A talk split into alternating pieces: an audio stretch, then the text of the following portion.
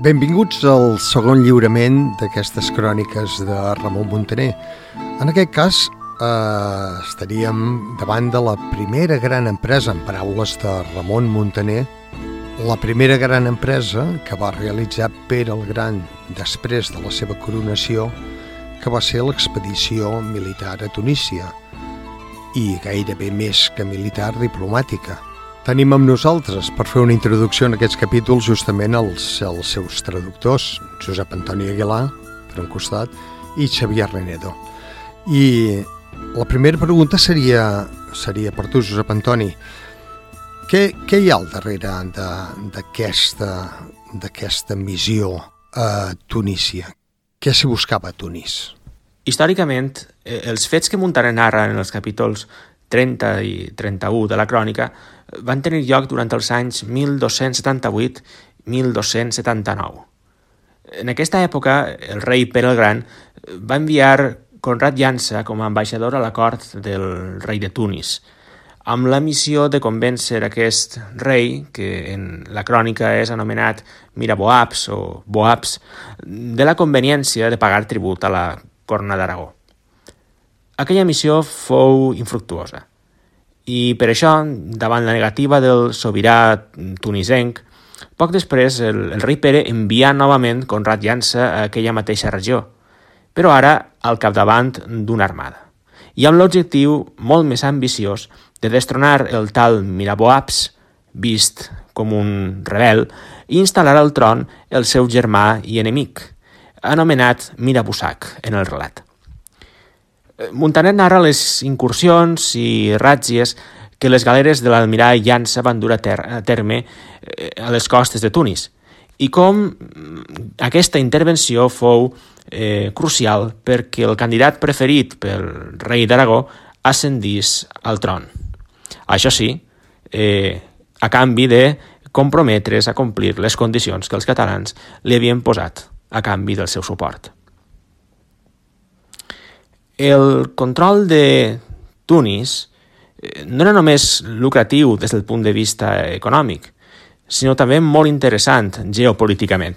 Eh, cal tenir en compte que el 1282, és a dir, tres anys després de la intervenció de Conrad Llança, el rei Pere el Gran va desembarcar amb les seues tropes a la costa nord-africana i que eh, va utilitzar aquesta eh, regió com a punta de llança des de la qual eh, envair i conquerir Sicília. Així doncs, quin sentit té la inclusió de l'episodi de Tunis en aquest eh, punt de la crònica? Doncs, mm, d'una banda, aquests capítols introdueixen i transporten el lector a un teatre d'operacions que més tard adquirirà una importància encara més gran en el, en el relat. I de l'altra, mm, serveixen per a reforçar la imatge dels catalans com un poble expert en la guerra naval i eh, capaç de projectar sense oposició el poder de la corona d'Aragó al llarg de la Mediterrània, fins al punt de poder posar i llevar reis en un regne llunyà a l'altra banda de la mar. Eh, aquesta idea, eh, la idea de la supremacia naval dels catalans, té una importància eh, fonamental en la crònica de Montaner i també, dit siga de pas, en la de Bernat Desclot. Una segona pregunta, eh, aquesta, aquest cop la dirigirem en Xavier Renedo. És, quines eren aquestes, les relacions que, que mantenien la corona d'Aragó amb el regne de Tunísia en aquesta època? En el, en el segle XIII i al llarg de tota l'edat mitjana hi ha moltíssima presència catalana a Tunísia, eh, sobretot bàsicament a la zona del litoral i una presència molt diversa. Hi ha mercaders, hi ha mercenaris, diplomàtics, frares i, per desgràcia, també eh, molts de captius i esclaus que les van passar molt magres en aquelles terres. Eh?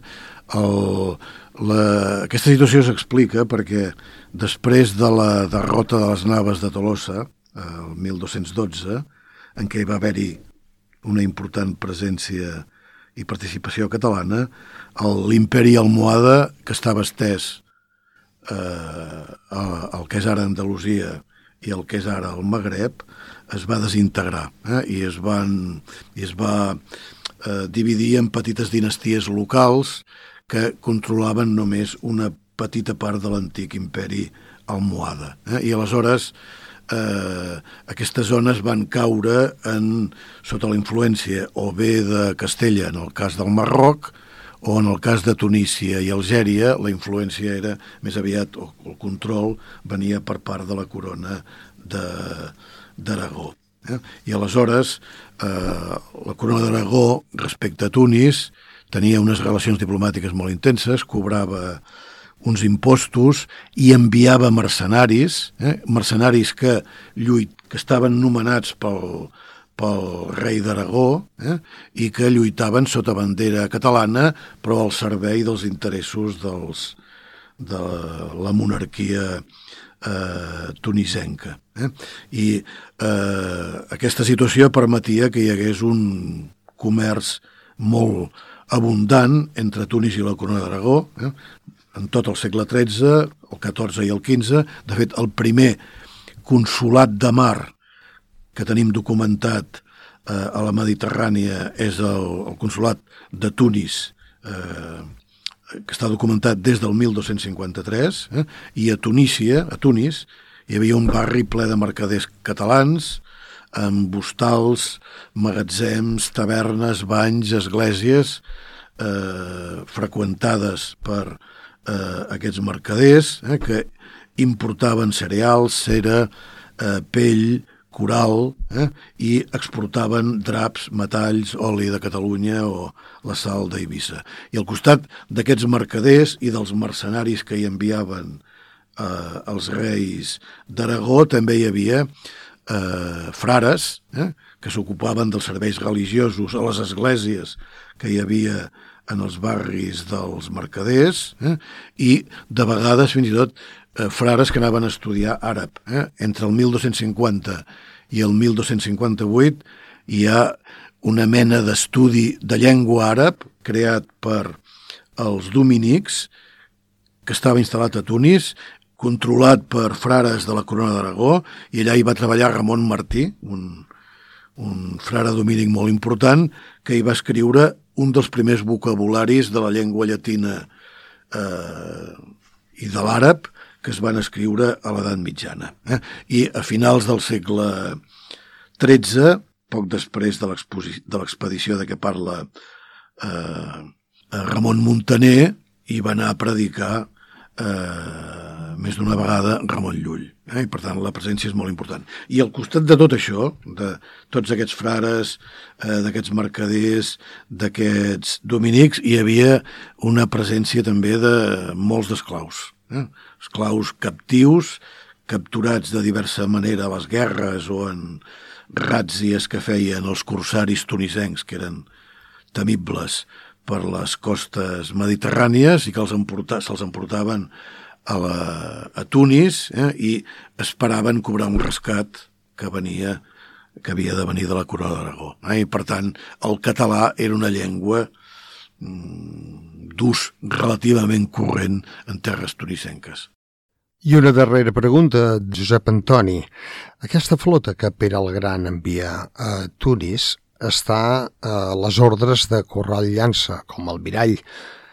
Es tracta d'un personatge força interessant i, i pel que veiem aquí molt admirat per Ramon Montaner. Qui era realment aquest personatge? Montaner no només concedeix importància als fets dels reis d'Aragó, sinó també als dels diversos generals que els van ajudar a dur a terme les seues eh, conquestes. Per això, mm, molt sovint, quan introdueix eh, per primera vegada en la crònica algun d'aquests eh, guerrers, doncs, ens conta mm, aspectes com ara on van néixer o qui foren els seus pares o determinats trets de la seva personalitat. En això, i salvant les distàncies, eh, Montaner s'assembla eh, una mica a l'Homer de la Ilíada, que eh, quan presenta al llarg del poema èpic algun dels herois que prengueren part en la guerra de Troia, doncs, eh, sol fer-ne un petit Eh, retrat que captura la quinta essència del personatge en qüestió.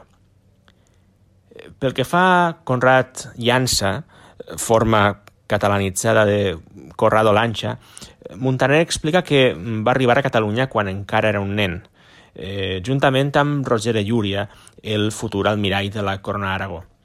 Eh, tots dos, Llúria i Llança, eh, descendien de famílies nobles oriundes del regne de Sicília que havien hagut d'exiliar-se d'aquell eh, regne eh, poc després que l'hagués conquerit eh, Carles d'Anjou el 1266.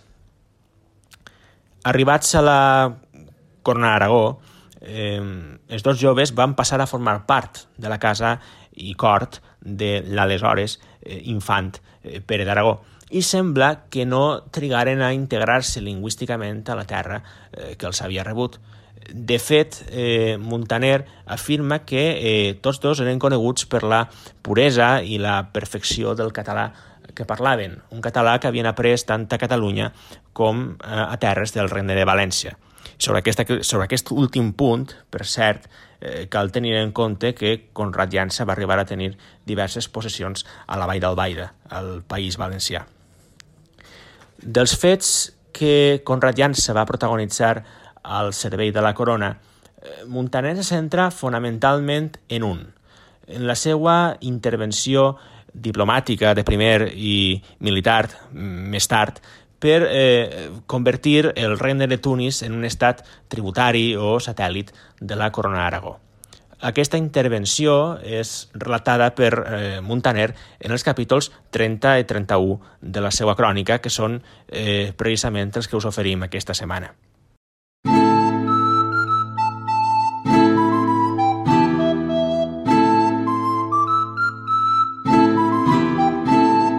Ara tornaré a parlar del senyor rei en Pere, que va anar visitant tots els seus regnes i totes les seves terres.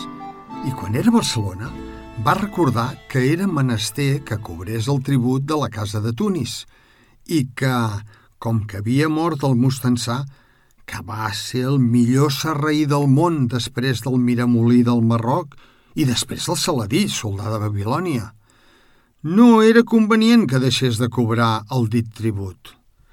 I va convocar a Consell gran part dels seus homes de confiança, entre ells, sobretot, el noble en Corral Llança, i davant de tots ells li va dir En Corral, com bé deveu recordar, vos vau anar a demanar el tribut l'altre any a Tunis, quan el Mustensà, que era gran amic del nostre pare, va morir.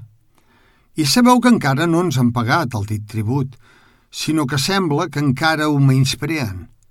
Cal que nosaltres ens queixem d'això i que els amenacem amb tot el nostre poder. Que nos hem decidit de posar aquest rei que ara hi ha i que en el seu lloc posem Mirabussac, el seu germà, com a rei i senyor. I hem de fer justícia, i farem un gran honor a la Casa d'Aragó perquè es podrà dir que nos hem posat un nou rei a Tunis. Per això, cal començar a posar fil a l'agulla. Senyor, va dir en Corral. Digueu aleshores per quina raó heu modificat aquest pacte i per què ara el voleu fer complir, perquè tothom en conegui bé tot l'entrellat. I quan ens ho haureu dit, cadascú de nosaltres us podrà dir el que millor ens semblarà pel vostre honor. I el senyor rei en Pere va dir, Dieu bé, vull que sapigueu que el Mustensà, tal com abans us he dit, va ser un gran amic del rei, el nostre pare, i li enviava tots els anys el seu tribut i moltes joies. Ara ell ha mort sense hereus directes, però han quedat dos germans seus. El més gran, es diu Mirabussac i el més petit, Mirabuaps. I el Mustensà havia enviat el dit Mirabussac, el germà gran, amb un gran exèrcit de cristians i de serraïns a llevant per recaptar els tributs de les seves terres. I a Tunis s'hi havia quedat Mirabuaps. I quan el Mustensà, que havia deixat el regne a Mirabussac, va morir, Mirabuaps que era Tunis, es va coronar, sense esperar el seu germà, com a rei de forma falsa i malvada. I quan Mirabussac va tenir notícia de la mort del seu germà el rei, va tornar a Tunis. Però quan Mirabuabs va saber que el seu germà venia, li va fer saber que, si s'estimava la seva vida, no s'hi apropés, perquè havia de tenir clar que, si ho feia, ell li tallaria la testa. I així Mirabussac se'n va tornar a Capis i allí es va estar i s'hi està encara, que no sap què fer. De manera que farem un gran bé si apliquem la justícia i, sobretot, si fem possible que es compleixi la voluntat del mostansà. I per això nos armarem deu galeres i volem que vos, en Corral, en sigueu el capità major i us n'anireu directament a Capis i portareu les vostres cartes a Mirabussac, i a Benmargant, i a Benàcia, i a Embarcat, que són els tres majors barons que hi ha a Frèquia i els que tenen més poder. I són els homes que estan en deute amb nos, com ja ho estaven els seus pares, perquè el Mostensà, el rei de Tunis que mort, va concedir grans dots per mediació del nostre pare. Per aquesta raó, ells faran tot allò que nos els manarem i que vos els direu de per nostra. I vos els ordenareu que tots els seus homes vagin per terra amb Mirabussac davant Tunis. I vos anireu abans amb les galeres al port de Tunis, els saquejareu i prendreu totes les naus i embarcacions, tant de cristians com de sarraïns que hi haurà. I així mateix capturareu totes les que hi arribin. I així privareu la ciutat de viandes, de manera que no podran rebre provisions per mar. I així mateix, secretament, enviareu cartes a la major part dels moats, i quan aquells de la ciutat veuran la gran mancança que sofriran de viandes, hauran de rebel·lar-se contra Miraboabs.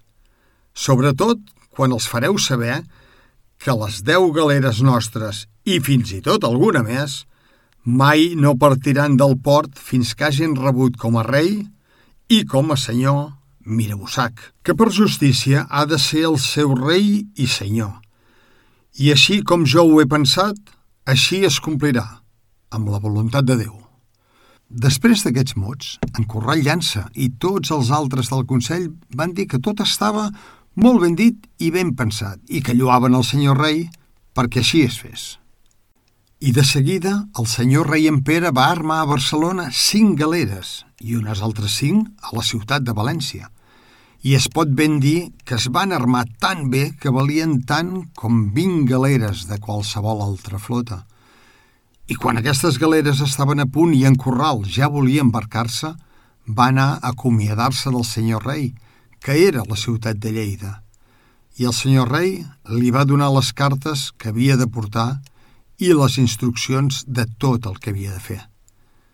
I entre les altres coses que hi havia en aquestes instruccions s'indicava que tan bon punt s'hauria vist amb Mirabussac i amb en Bergan i amb en Benàcia i amb en Barcat i amb els Moats que eren a Capis i hauria preparat l'atac contra Tunis que ell fes jurar el dit Mirabussac i aconseguís el compromís de tots els altres, amb jurament i homenatge inclosos, que tan aviat com seria anomenat rei de Tunis, li pagaria tots els tributs que fins llavors li devien i que a partir d'aleshores i per sempre més la Casa de Tunis estaria obligada a pagar els tributs a qui fos el rei d'Aragó i comte de Barcelona i que tots els moats donessin garanties d'això. Per altra part, que l'alcaid major que hi hauria a Tunis per sobre de tots els cristians fos sempre un noble o un cavaller vassall del senyor rei d'Aragó, nomenat pel mateix rei d'Aragó, que el podia canviar i mudar sempre que volgués, i que en tot lloc on fossin portessin la senyera amb el senyal del senyor rei d'Aragó, tant si residien amb el rei com si ho feien pel seu compte, i que tots estiguessin obligats a defensar aquesta senyera, així com la del rei de Tunis i exigia també que el gavellot de la gavella del vi, que és un ofici molt important, fos català i que el senyor rei d'Aragó el pogués nomenar perquè la meitat de l'impost de la dita gavella havia de ser, i ha de ser, del senyor rei d'Aragó. D'altra part, que el senyor rei d'Aragó hi pogués nomenar un cònsul que administrés justícia a tots els mercaders catalans i als patrons de les naus i als mariners que vinguessin a Tunis i a tot el regne, i que així mateix n'hi hagués un altre a Bugia. Totes aquestes coses i molts altres privilegis que estan tots inclosos en les cartes públiques, Mira Bussac les va prometre i va concedir llavors al rei d'Aragó i a les seves gens. I així ho va confirmar Mira Bussac i ho va fer complir quan es va convertir en rei i senyor de Tunis. I així, Corral Llança va deixar el seu senyor amb les cartes i les instruccions que li havien lliurat i va anar a embarcar-se en les cinc galeres a València i després va anar a Barcelona, on va trobar les altres cinc galeres, i així va embarcar, amb la gràcia de Déu, en una hora i un moment que va poder complir tot el que el senyor en Pere li havia manat i encara molt més. Què us diré més?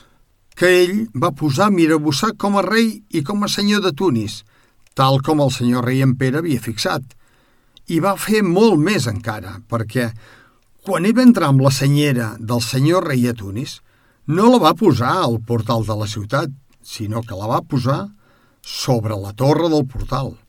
I després de tot això, Mirabussac va confirmar tots els capítols, tal com més amunt s'ha dit, amb el pagament del tribut inclòs i amb moltes joies riques i velles que, a més del tribut, el rei de Tunis va enviar el rei d'Aragó. I fet això, Corral Llança se'n va anar a tota velocitat per tota la barberia fins a Ceuta i va saltar moltes naus i embarcacions i tarides de serraïns d'una manera que mai ningú no podrà igualar. I amb aquest guany, ell se'n va tornar a Catalunya i a la ciutat de València va trobar el senyor rei, que el va rebre amb molt bona cara i bona voluntat. I del botí i de les joies que se'n van portar, el senyor rei li'n va donar una bona part a ell i a tots aquells de les galeres que havien guanyat tant en l'expedició que amb el que els va donar el rei van fer-se rics i benestants. I vet aquí quin bon començament va concedir Nostre Senyor al senyor rei després de la seva coronació. Ara deixaré de parlar d'ell, que bé m'hi sabré tornar quan lloc i temps serà, i parlaré de l'emperador Frederic i dels seus fills, per tal com convé a la nostra matèria.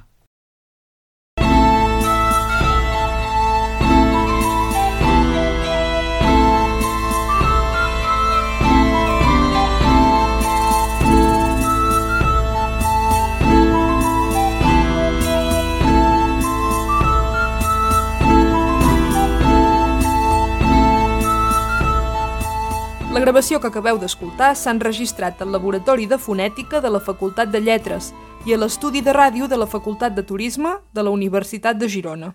La lectura és a càrrec d'Albert Martínez, amb la col·laboració de Mercè Mas. David Fernández s'ha encarregat de la taula de so i Glòria Ribugent del muntatge. La traducció del text al català modern és de Xavier Renedo i Josep Antoni Aguilar. La gravació ha comptat amb el finançament de la Institució de les Lletres Catalanes, la Diputació de Girona i el Grup de Recerca de Literatura Medieval de la Universitat de Girona.